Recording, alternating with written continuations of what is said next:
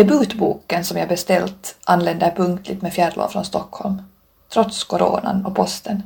Jag är tacksam och placerar den överst i högen av Marie Silkebergs övriga produktion som jag hittat i mitt eget lokala biblioteks samlingar.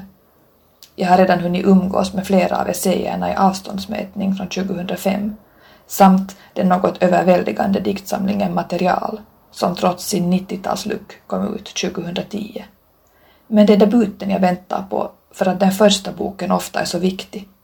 Debutböcker har en tendens att lägga något på bordet som aldrig försvinner, även om det förvandlas och förvandlas. Poeten, essayisten och översättaren Marie Silkeberg debuterade 1990 med diktsamlingen Komma och gå. Det är en lysande formsäker bok, förförisk, stark och lätt att förlora sig i. Texten böljar av vågor eller ansträngningar. Den pressar erotik, längtan och extas mot världen och tvingar verkligheten mot, mot vad? Jag dröjer vid vågkammarna och vid smärtan, försöker lyssna av motståndet. Vill denna text att livet ska hända här? Eller är det dikten som ska hända? Eller ska de sammanfalla? Citat. Lågor över fasaderna, fulla av osynlig natt. Citat slut. Svarar mig texten när jag grubblar. Eller citat. Kom lilla glittrande våg av avgrund. Citat slut. Är det liksom bara att ta av sig kläderna och hoppa i? Borde inte Julia Kristeva kunna hjälpa mig? Det känns som en öppning, men sen påminner jag mig om hur hjälplös hon blir i sina läsningar av Marguerite Duras roman Älskaren. Kristeva leder smidigt in begäret i mystikens domän.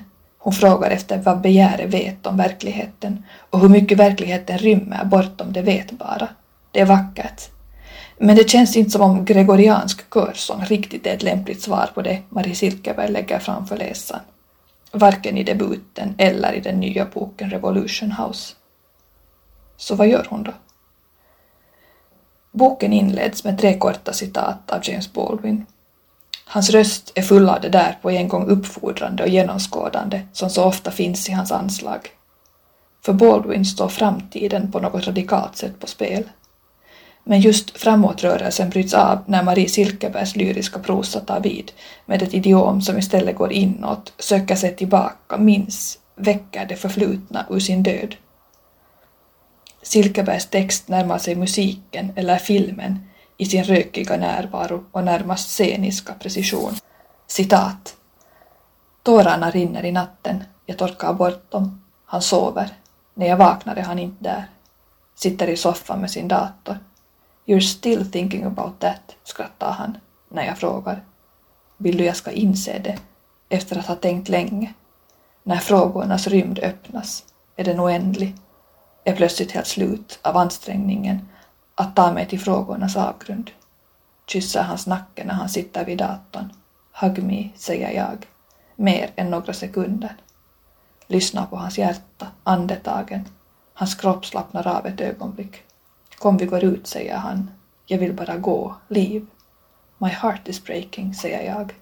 It will heal, säger han. Jag vet inte längre. Om jag är översvämmad eller genomsköljd av svett och tårar It was good, a good trip. Kanske en av mina mest lyckade. And it was good being with you, säger han. Jag står och ser på honom ställa in sin väska i bilen. Wait, säger han till chauffören och kommer emot mig, håller om mig. Take care. Citat slut. De förlorade ögonblicken öppnar sig i sin intensivt närvarande, skrämmande och lockande glans. Förflutenheten och passionen tvinnar sig kring nuet och reflektionen när nya diktsviter eller sektioner av boken inleds ligger det ofta platsangivelser överst på sidan som en blandning av scenanvisning och dagboksinledning. Det kan stå citat Malcolm X Boulevard, Central Harlem, juli 2018, citat slut, eller Hamilton Heights, West Harlem, december 2018, citat slut. Revolution House är en tjock bok på nästan 200 sidor indelad i fem numrerade och namngivna delar. I den mån man kan tala om en handling beskriver boken relationen mellan ett svenskt diktjag och en lite yngre nigeriansk man. Båda är författare och båda kämpar med en svårdefinierbar ensamhet. Silkeberg skriver i korta meningar, rytmiskt och med känsla för fotografiska detaljer. Erotiken är ständigt närvarande, för att inte säga ledande, och texten liksom griper efter älskan, efter verkligheten, efter allt som ständigt försvinner i tidens ström. Den alltuppslukande passionen fyller sidorna med sin närvaro, men också genom att vara förlorad. Vad är den, vad betyder den och hur kan närhet vara så stor och samtidigt inte föra två människor närmare varandra? Det går så bra att älska över avgrunder. Rösterna och språken slår in i och över varandra. Engelskan dyker upp och försvinner med tonfall och fraser som är så slitna att de blir intima på nytt. Eller så bara faller de likt mynt mellan raderna, skramlar. Samtidigt leker texten med allas vår längtan efter att få ta de engelska orden i munnen, gå omkring och säga dem. Som om man var en del av världen. För att det är filmens ord, den stora världens ord. Det är så livet låter i det stora pratet. Och Silkeberg hanterar dem med både världsvana och av nödtvång. Här flyter de omkring i den poetiska texten och får liv och ton av älskarens röst. För att världen är som den är, full av språk och kulturer och människor som samlas vid filmreplikerna och värmer sig vid de fraser som står till buds. De starka och svaga orden, smidigheten och lättnaden som samtidigt illustrerar hjälplösheten. Att det lyriska språket inte helt når dem eller rår på dem. Att älskaren är där i den andra världen, den som inte låter sig skrivas. Den som vägrar bli verklig, kanske för att den är så mättad av föreställningar av yta, spel och roller och färdiga konflikter. Och hela denna kavalkad har redan förvridit händelserna innan minnet ens hunnit ta tag i dem. Kan man genom att skriva fram stunden, erövra den i språket, vrida sönder de tummade flosklerna som filmverkligheten tvingar in i livet och minnet? Filmverklighet är inte ett rättvist ord. Jag är ute efter något som beskriver allt det delade och föreställda som den globala världen förser oss med, de sociala mediernas bildspel, TV-nyheternas obegripligheter, katastrofer paketerade och stöpta i former som gör dem historiska innan de skett, uppblandat med allt detta kändiskulturens glittersminkade och skenbara gemenskap. Trots ansträngningar, läsning, samtal och försök går vi omkring och bär på en hel del dubiös eller obearbetad halvförvanskad kunskap om livet på andra ställen. Hela denna automatiska fiktion fyller fantasin och upplevelserna och bildar ett slags membran som det gäller att tala igenom i personliga samtal, få sin hand att gå igenom, se igenom, leva igenom. Samtidigt är det frågan om en kunskap som det absolut inte går att leva utan eller på något sätt höja sig över. Revolution House en stark skildring av ett jag som kämpar i detta plågsamma trassel. Grälen, raseriet, symbolerna börjar ramla in över alla samtal, kodade fraser, kläder och gester som inkorporerar köld och stereotypa avstånd, vitheten och svartheten, makten och underskottet, ålder, kön och genus. Det är den hemska kortpacken som hemsöker livet. Vem är ruter dam och vem är spader knäckt? Vi kan i sten svära på att det inte spelar någon roll, men problemet är att det är rollen som spelar oss. Mot vår vilja, trots våra försök att parera. Jag säger oss, för det går inte att undkomma. Vi drar jokern gång efter gång, men vet inte vad hen betyder. Ska vi då avsäga oss allt, livet och kärleken och glädjen inför alla möten över avstånd för att vara på den säkra sidan? Gudskelov är den här boken skriven utan säkra sidor. Det betyder inte att den är god eller klok eller en handbok för älskande par.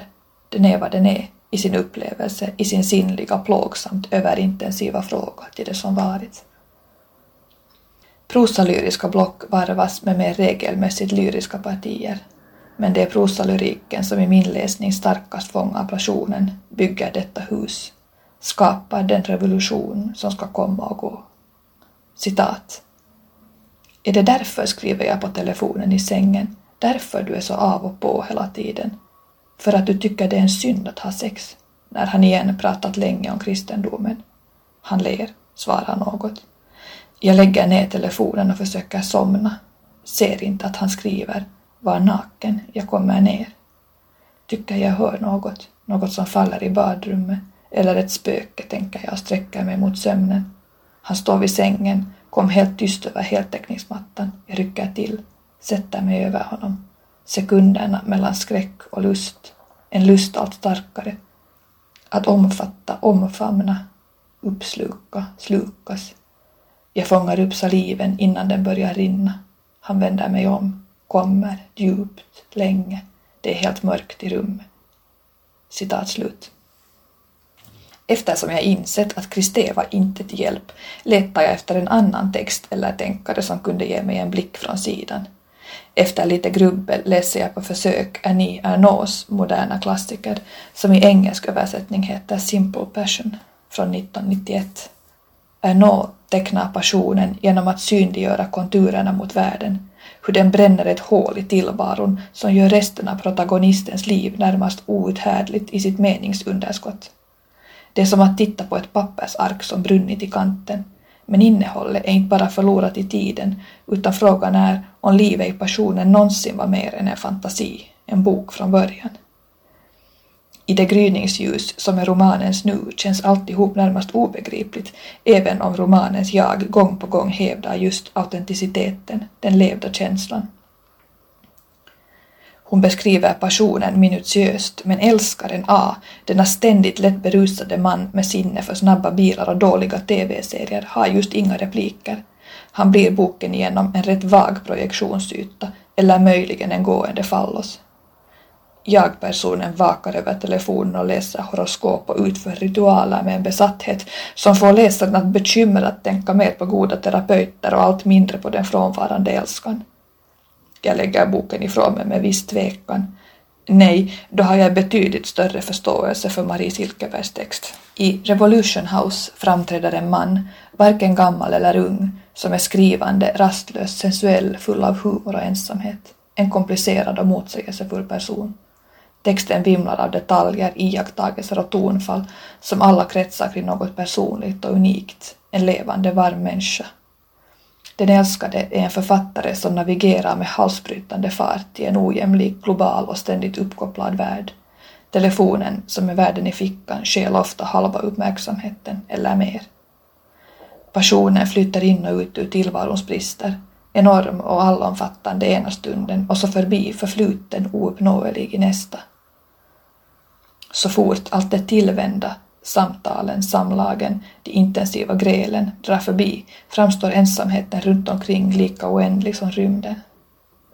Men där Ernaux beskriver passionen som ett förflutet vansinne och älskaren som en man som i grund och botten var helt fiktiv, skriver Silkeberg fram sitt älskande par i en sinnlighetens eviga presens.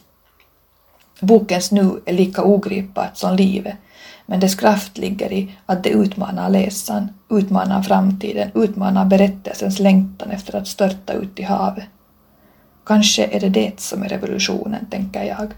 Att utmana döden genom omsorgen om ett nu som det inte går att slå sig ner i, men som trots allt håller sin halt, sina smekningar, sin extas och sin svärta.